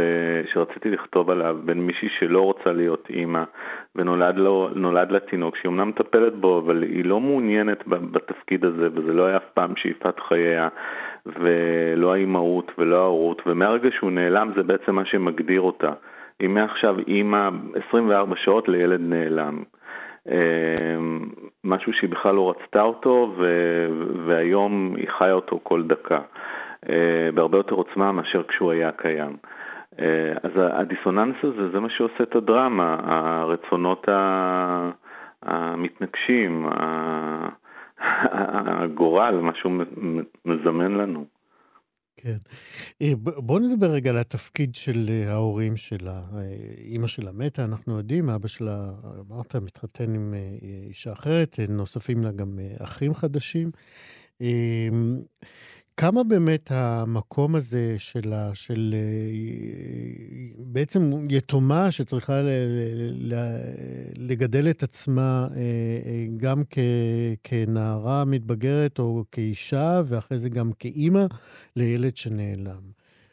כמה באמת ההורים שלה הם משענת בשבילה בתקופה הזאת? אני לא חושב שההורים שלה הם משענת, אני חושב שההורים שלה... אמ, ובכלל הספר אולי, אם יש משהו שמגדיר אותו, זה דברים איומים שנעשים בשם האהבה. וההורים שלה פועלים כפי שהם חושבים לנכון לפעול, וכפי שהם חושבים אה, שזה מגן עליה, ובעצם מגן עליהם. אה, מותר להגיד שזה לא כמצופה מסבא וסבתא?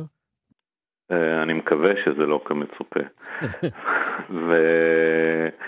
אני חושב שה... שזה בסוף, אה, הם, הם מבצעים שליטה מוחלטת על כל אחד מהילדים שלהם ומכוונים את מהלך חייהם כפי שהם חושבים שהוא נכון. ואני לא חושב שיש לכצל'ה הגנה מהם באמת, אלא יש אה, תיבה שהיא כלואה בה, שהם כלאו אותה בה, ושהיא לא מסוגלת לפרוץ אותה. כן. Uh, אני הזכרתי את זה בתחילת uh, דבריי, שזה היה הרושם המיידי שלי כשסיימתי לקרוא את הספר הזה.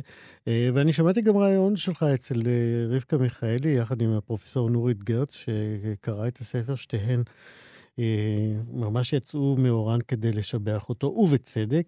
וגם לרבקה מיכאלי הייתה מין פליטת פה אה, על אה, ספר, סרט. אתה, אתה, אתה מרגיש באמת שהספר יש לו חיים הרבה מעבר ל, ל, ל, למדיום ש, שהוא עכשיו? אני מקווה, זה הספרים שאני אוהב לקרוא. אני, אני אוהב שירים למשל שהם סיפורים. אה, שיר אהובת הספן וכאלה, ש, שמספרים לך סיפור שאתה יכול uh, לצבוע אותו בדמיון שלך לסרט. Uh, זה גם החומרים שאני אוהב לכתוב ושאני באמת קורא. אז אני חושב שזו מחמאה מאוד גדולה לקבל את זה ממך ומרבקה. זה אומר ש, שהצלחתי במה שרציתי. לגמרי.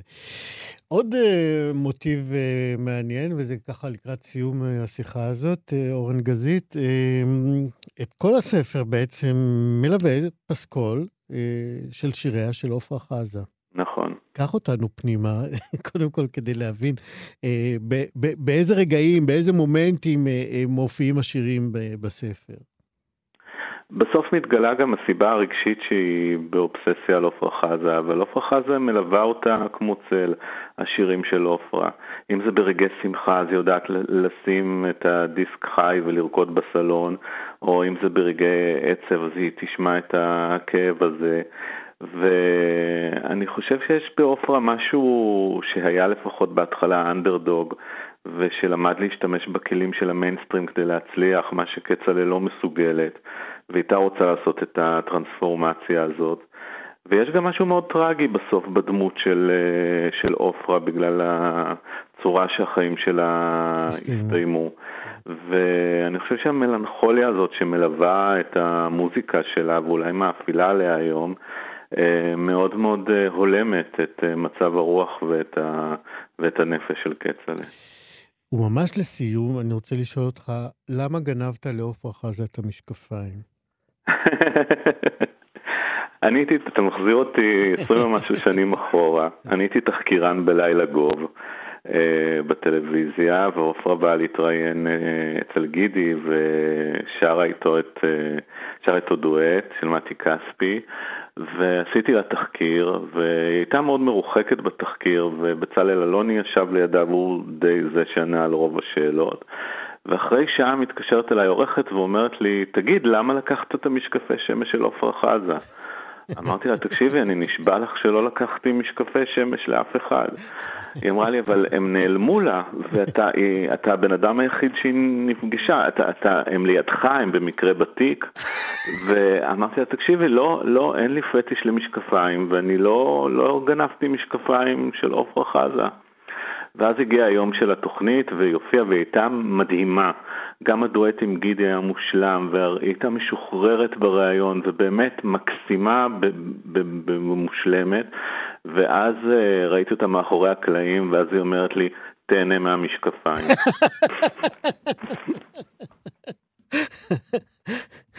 אורן, תחזיר לעיזבון לפחות, אתה יודע. בסדר גמור. בסדר?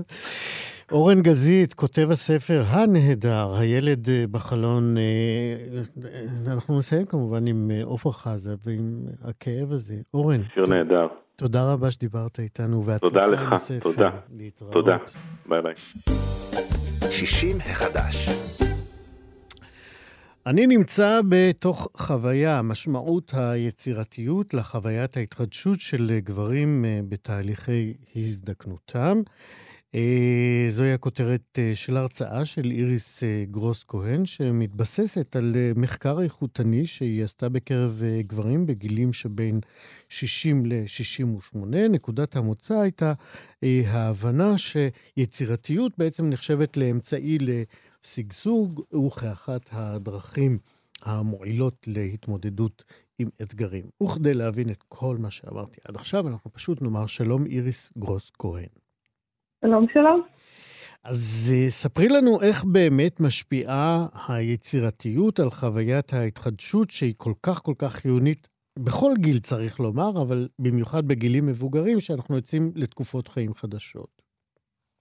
אוקיי, okay, אז אני באמת אה, אתחיל אולי לפני זה ואומר שמדובר בתהליך של אה, דוקטורט שעדיין בשלבי סיומו, ואני מדברת אגב על גילאים שהם בין 60 ל-75, הקבוצה היא קצת יותר גדולה ממה ש... אמרתי. כן, כן, מה שאמרת. אוקיי. אני ככה מדייקת את זה. כן. כן. ואני אגיד שבגדול מדובר על שלוש תמות, שלוש ככה תפיסות אני מדברת על התפיסה, על החוויה של איך, איך אה, גברים בעצם תופסים את, ה, את היצירתיות, מה המשמעות של היצירתיות דרך העיניים שלהם בגילאים האלה. אמ, עבורם, עבור אלה, הקבוצה הספציפית שאני אה, חקרתי, אה, זה אומר שיצירתיות נתפסת קודם כל כאמצעי להגשמת רעיונות. והיא לאו דווקא של עכשיו, היא מתוך איזשהו מבט אה, אפילו מסכם קצת כן. של אה, המסתכלים. אה, אני רוצה כן. לשאול כן. שאלת ביניים. אוקיי. כולם תופסים יצירתיות באותו אופן? לא. אוקיי, זו שאלה מעולה. אוקיי. אני חושבת שמה שלפחות אצלי, אני שוב חייבת להגביל את זה לכמות שהיא יחסית במחקר איכותני קטנה, כן? אנחנו לא הולכים לעשות משהו כמותי גדול, סטטיסטי, mm-hmm. אלא משהו שהוא באמת מנסה להבין את המשמעות של הדבר. ואז אנחנו יותר מסתכלים מבפנים, איך החוויה מורגשת אה, ומתוארת באופן חי. אז, אז אם אני אה, שוב אענה על השאלה הזאת, אז כל אחד, אה, מה שמשותף, כן, קנה המשותף הרחב, זה באמת השלוש תמות שאני תכף אגיד מה הן, שזה תפיסת יצירתיות, כהגשמת אה, רעיונות ותפיסת יצירתיות ככלי פרגמטי להתמודדות עם אתגרי החיים ולצורך אה, אה, קידום רווחה ואיכות חיים, אז זה עוד תמה. והתמה השלישית, שהיא נוגעת בהתחדשות, זה יצירתיות שהיא נתפסת כאיזשהו, כדרך חיים, כדרך להיות מחובר לחיוניות שלי ולחיות יותר קרוב לכאן ועכשיו, וכל רגע הוא רגע חדש. וגם אני אה, אה, חווה את עצמי באופן חדש, וזה אגב יותר אה, באמת אה, קשור להתחדשות העצמית. אה, שאתה דיברת קודם, הזכרת קודם. Mm-hmm. אז זה שלוש התאמות הגדולות. כמובן שכל אחד מהמקום שלו מביא את זה באופן המיוחד לו, אה, אה, שכל אחד גם עם הדגשים האישיים שלו. אה, איך מהנדס חווה את זה, זה דבר אחד, ואיך פסיכולוג אה, זה דבר אחר. אה, ואני ניסיתי, הממצאים שלי מראים שמה שמשותף בין מהנדס, פסיכולוג ופילוסוף, או, או משורר, או, או, או אדם שעוסק ב... בכלל בכלים קונקרטיים, אדם שעובד עם כלים קונקרטיים, המשותף לכולם זה הצורך, למשל, אה, להגשים את הרעיונות שלהם, אה, או, או לחיות יותר קרוב אה, לכאן ועכשיו, אם אני מדברת על התמה השלישית, אז באמת לחיות קרוב, קרוב אל עצמי וקרוב אל הטבע, ולחיות את התחושה של ההתחדשות, שהנה אני לא זקן במרכאות, כמו שחושבים שאני, אלא יש, ב, יש, יש בי עוד המון תשוקה אל החיים, והמון סקרנות, ואני כל יום יכול ללמוד משהו חדש, גם על העולם וגם על עצמי. זאת אומרת, יש פה, אה, כל אחד מביא את זה דרך אה, הרקע המיוחד שלו והמסע שהוא עבר עד עכשיו וממשיך לעבור אותו. אה, וזה באמת משהו ש, שכן משותף לרוב המרואיינים שלי, זה באמת החוויה הזאת שהחיים ממשיכים. הם לא עוצרים ומתחילים מחדש, אלא הם כל הזמן ממשיכים, ואני ממשיך לעשות את הדבר שאני עשיתי, רק שאני, במובן של ההתחדשות, אה, יש משהו כן של אה, אולי קרבה קצת יותר, מודעות יותר גבוהה לגבול, כן, לסופיות של החיים.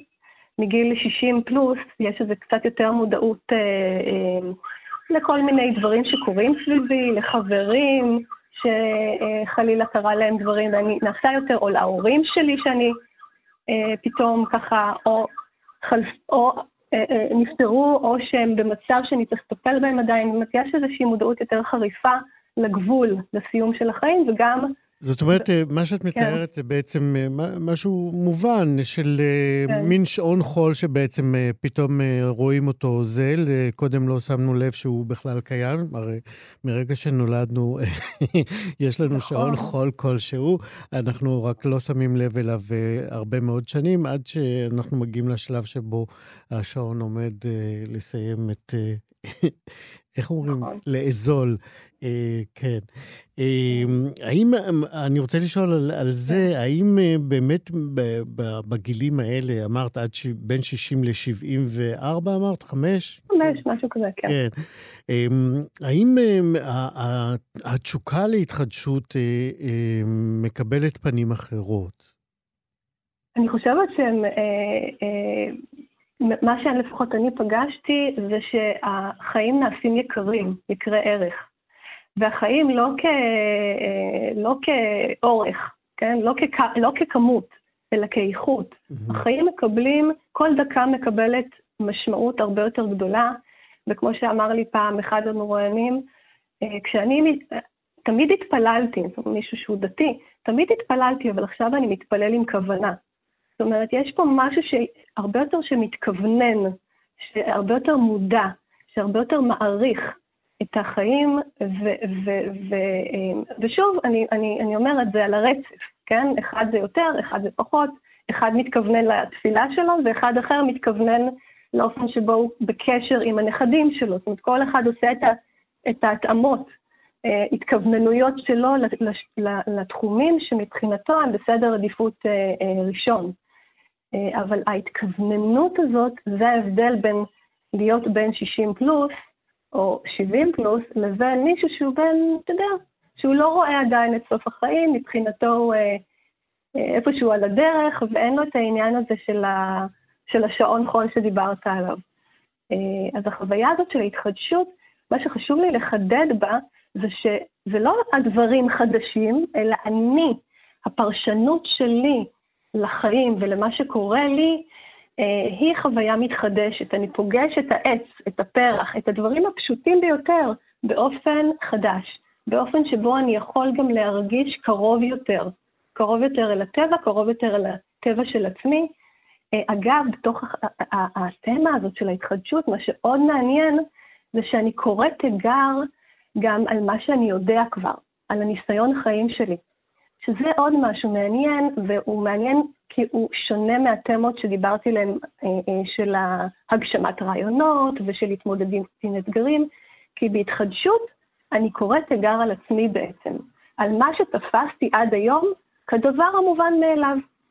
ועכשיו, כשאני קם בבוקר, פתאום זה שום דבר לא מובן מאליו. זאת אומרת, לא פתאום, כן? זה, זה איזשהו תהליך כזה, אבל זה כן. המובן של ההתחדשות. איריס, אני, אני רוצה לשאול אותך, עוד כן. מעט אנחנו צריכים לסיים, אבל אני רוצה לשאול אותך, כן. האם את יכולה לזכור איזה מין אה, אה, אירוע או עמדה פנימית כזאת של מישהו שהשתנתה בגלל אה, אותו שעון חול שפתאום אנחנו רואים אותו הולך ואוזל? אני לא יודעת אם אירוע, אבל אני יכולה, אה, יש איזה ציטטות, אתה יודע, ציטוטים, אה, כן. שאני יכולה אולי לחפש בעניין הזה. Mm-hmm. בדיוק אני יושבת מול החומרים שלי.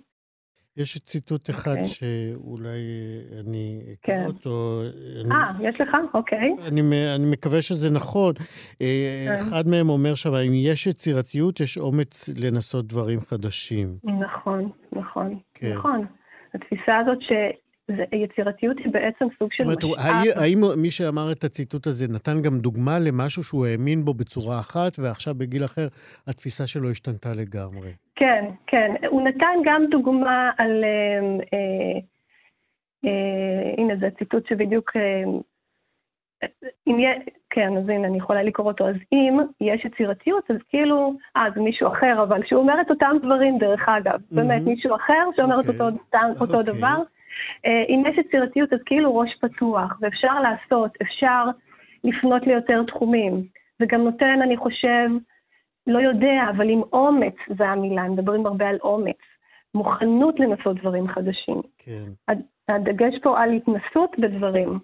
אה, גם אף פעם לא עשיתי ואין לי מושג אם אני אוהב את זה או לא אוהב את זה, אבל, ואם אני אהיה טוב בזה או לא טוב בזה, אבל אני חושב שזה נותן לי איזשהו ביטחון בנכונות לנסות, כן? אני אומרת את זה, מה שנקרא, כמו שהוא אמר את זה, אני לא מנסה כן. לערוך את זה. טוב, אז... אנחנו באמת אה, אה, נמשיך, וזאת עבודת הדוקטורט שלך, נכון? שנמצאת נכון. בתהליכי השלמה.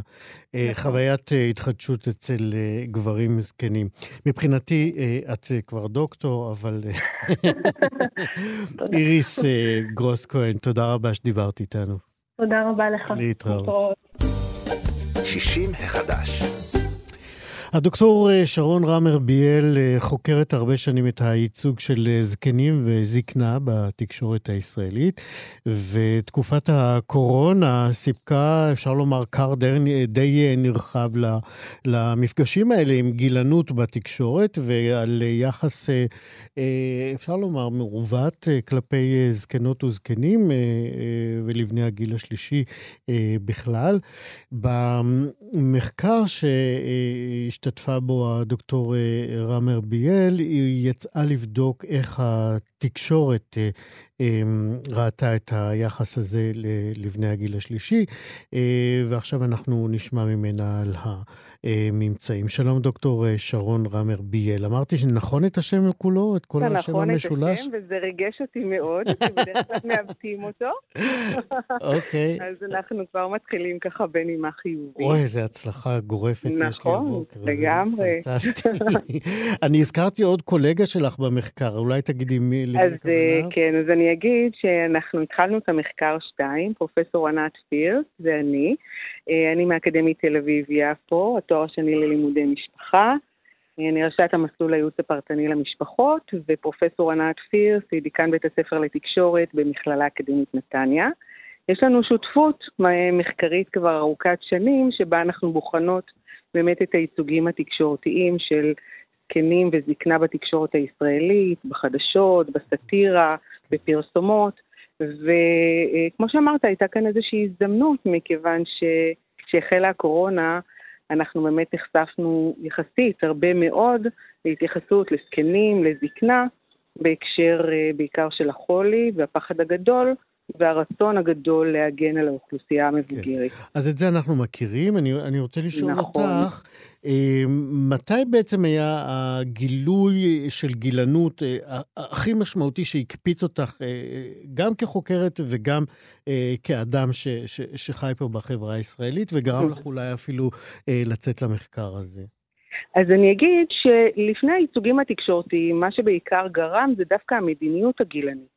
כלומר, כרגע אני שמה לרגע את התקשורת בצד, כי אני דווקא ארצה להגיד על התקשורת כמה דברים אולי מפתיעים. לטובה? אה, כן, גם לטובה. okay. אוקיי. אנחנו נוטים כמובן להאשים את התקשורת, אבל אני חושבת שהיא משקפת תהליכים, והיא כמובן תורמת להבניה של תהליכים, אבל התמונה היא הרבה יותר מורכבת. למעשה המדיניות הגילנית אומרת שאנחנו מתייחסים לאנשים אך ורק על פי הגיל הכרונולוגי שלהם, ואנחנו מוחקים את שאר התכונות שלהם. במקרה הזה אנחנו רואים שאנשים מעל גיל מסוים הצטוו לשבת בבית ולמה שנקרא אה, להתנתק מכל מה שהם עושים בחיים שלהם, בין אם זה המשפחה והעבודה והפנאי, אה, ולכן אנחנו מדברים כאן על תפיסה גילנית. עכשיו, מה עושה התקשורת? באמת אנחנו יכולים לראות שבשלב הראשון היא מתגייסת כמובן כדי לקדם את המדיניות, יש כאן רצון להעביר מידע, יש כאן ניסיונות לפרש את המצב, ובעיקר, כמו שאמרתי, גם לגייס את הציבור על מנת להגן על אותה אוכלוסייה שהוצגה כאוכלוסייה בסיכון. זה אנחנו רואים בעיקר בכתבות החדשותיות. יחד עם זאת, לצד הכתבות החדשותיות, אנחנו בדקנו גם טורים בעיתונות, ובדקנו גם את תוכניות הסאטירה, זהו זה וארץ נהדרת, ושם אנחנו מוצאים תמונה קצת אחרת. אז אנחנו יכולים לראות שקודם כל אי אפשר לדבר על התקשורת כמקשה אחת, אבל הערוצים המרכזיים, באמת קודם כל ראינו ייצוג יחסית גבוה, אפילו נקרא לזה ייצוג יתר, של הזקנה והזקנים ביחס למה שאנחנו מורגלים לראות בדרך כלל, הם נמצאים מאוד מאוד בשוליים.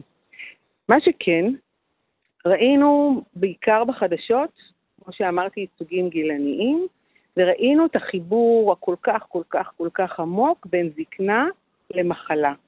כלומר, יש כאן איזושהי התייחסות אליהם כאילו מדובר באותה תופעה, למרות שאפשר להיות חולים בגילאים שונים, ואפשר להיות אנשים זקנים שיש להם בריאות, בריאות גם גופנית וגם פיזית וגם נפשית.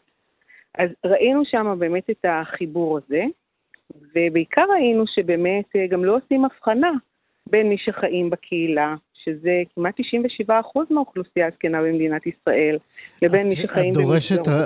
את דורשת יותר מדי מהתקשורת. אה, ואתה יודע, ככה, איך אומרים, דווקא מאירועים כאלה, אני כן. חושבת שזה מאפשר לפקוח את... לא, אני אומר את זה בכאב, את יודעת, זה לא... זה לא משמח. אני חושבת שיש דברים שכן עלו כאן.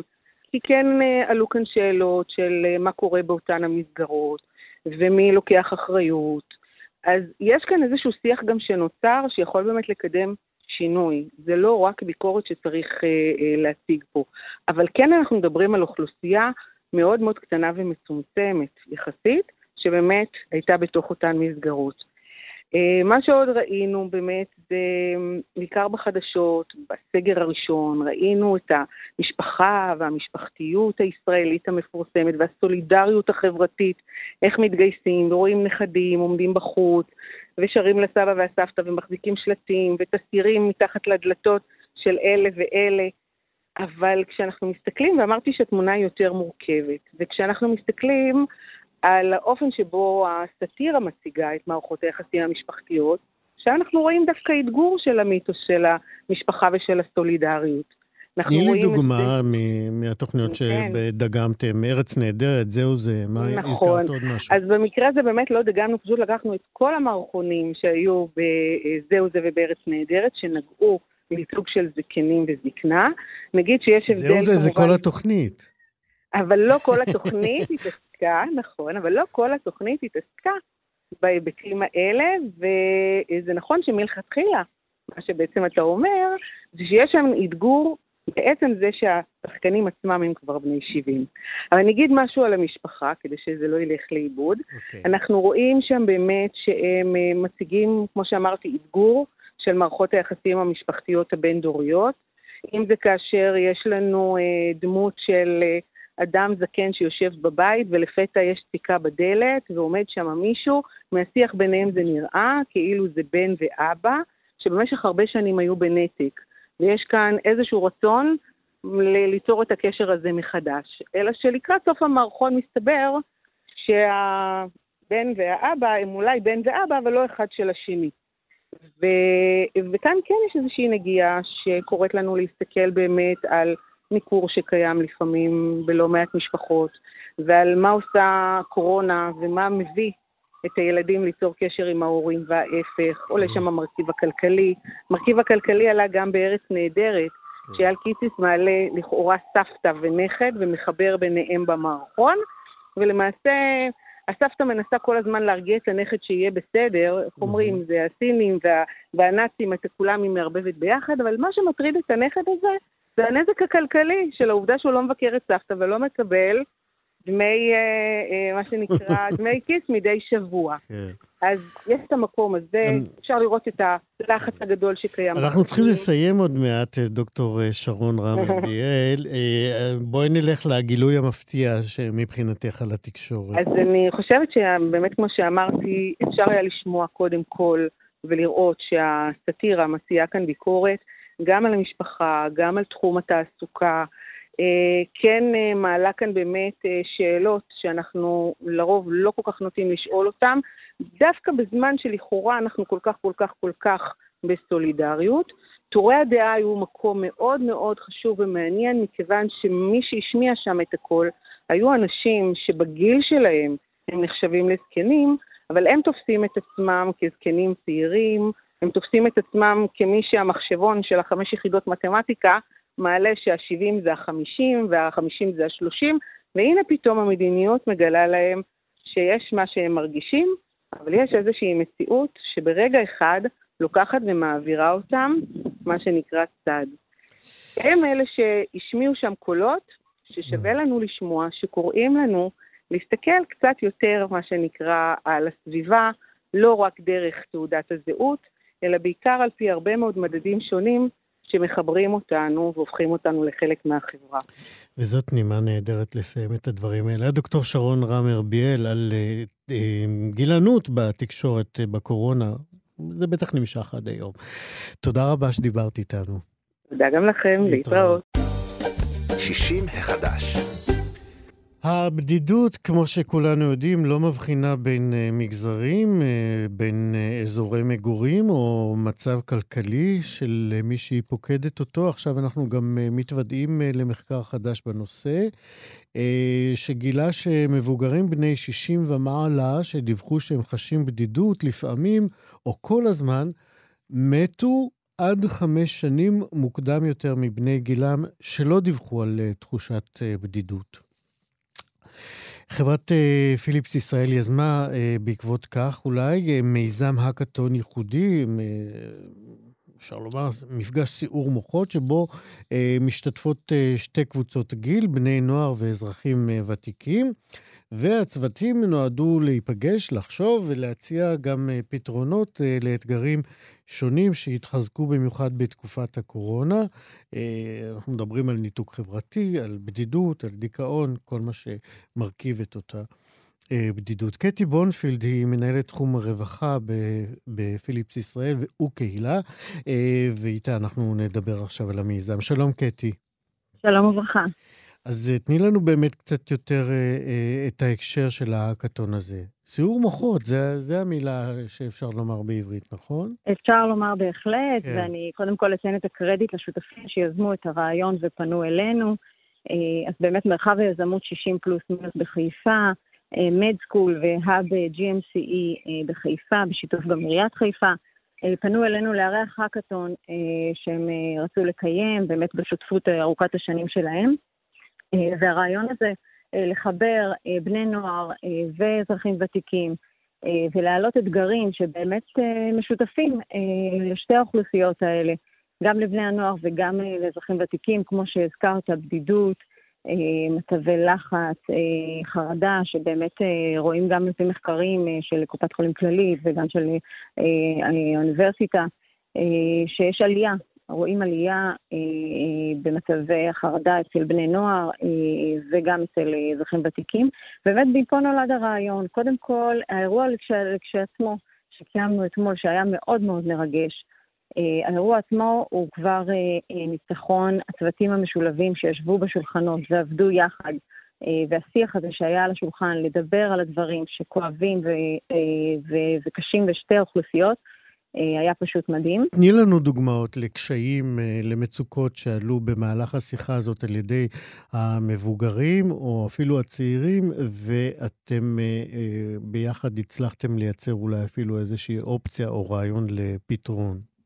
אז באמת היו כעשרה אתגרים שעלו בהאקתון, שמבירור מקדים ככה זה צרכים שעלו על ידי אוכלוסיות. אה, אם זה אתגרים סביב אה, קשיים טכנולוגיים, אה, קשיים טכנולוגיים בני הגיל השלישי אנחנו מכירים, אבל גם בקרב בני הנוער, שנדרשים בעצם לחשיפה תמידית ולהיות שם כל הזמן במדיה, שזה גם קושי ללא מעט בני נוער. עלו קשיים באמת סביב הבדידות והניכור, שבעקבות הקורונה כל אחד ככה היה מסוגר בביתו, גם בקרב בני הנוער, גם בקרב האוכלוסיות הוותיקות. אה, קשיים שקשורים אה, אה, לרעש, שבהמון מקומות היום, וזה היה מעניין לשמוע שגם בני נוער העידו על זה, זה אפילו אתגר שעלה על ידי נערה בכיתה ח'.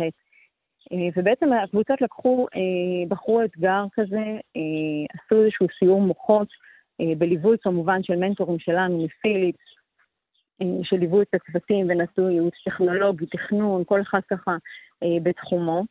אה, ועלו רעיונות מאוד יפים. תני לנו אחד כזה משמעותי שאנחנו יכולים להתעכב עליו. רעיון אחד מאוד אה, ככה יפה היה אה, לפתוח מקום שיקרא קפה דורות, שבעצם יאפשר מפגשים כאלה על בסיס קבוע, שולחנות כמו שאנחנו יצרנו את השולחנות האלה, שאחת האורחות שהגיעה לאקאסון אמרה, זה נראה כאילו בני משפחה וחברים יושבים בשולחן. אז יצר מקום כזה, שאליו יגיעו בני נוער ואזרחים ותיקים, ויוכלו לשבת ביחד, בלי ככה לתכנן או לקבוע מראש, מי שככה מרגיש קצת לבד, להגיע למקום כזה, לשבת ביחד, לדבר.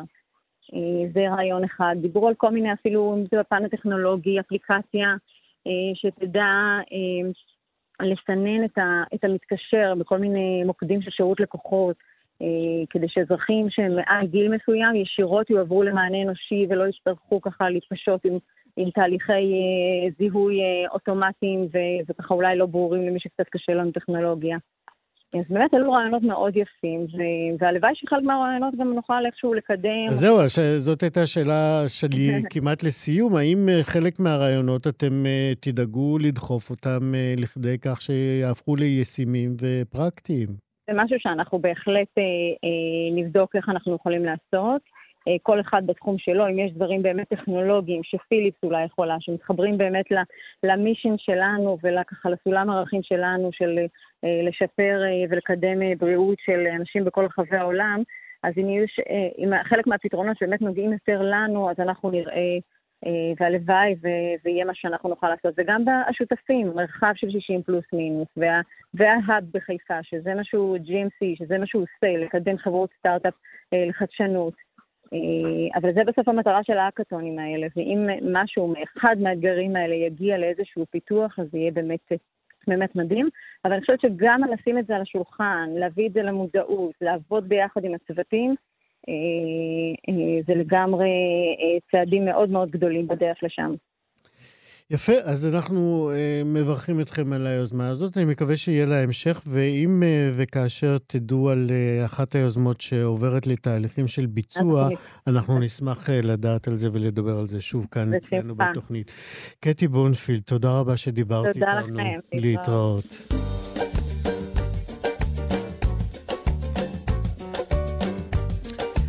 זהו, כאן אה, אנחנו מסיימים שעתיים של אה, שישי מחדש. תודה רבה מאוד אה, לצוות. טל ניסן, עורכת משנה ומפיקת התוכנית.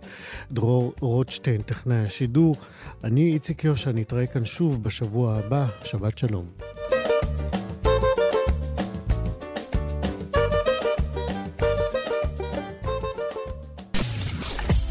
אתן מאזינות ואתם מאזינים לכאן הסכתים. כאן הסכתים, הפודקאסטים של תאגיד השידור הישראלי.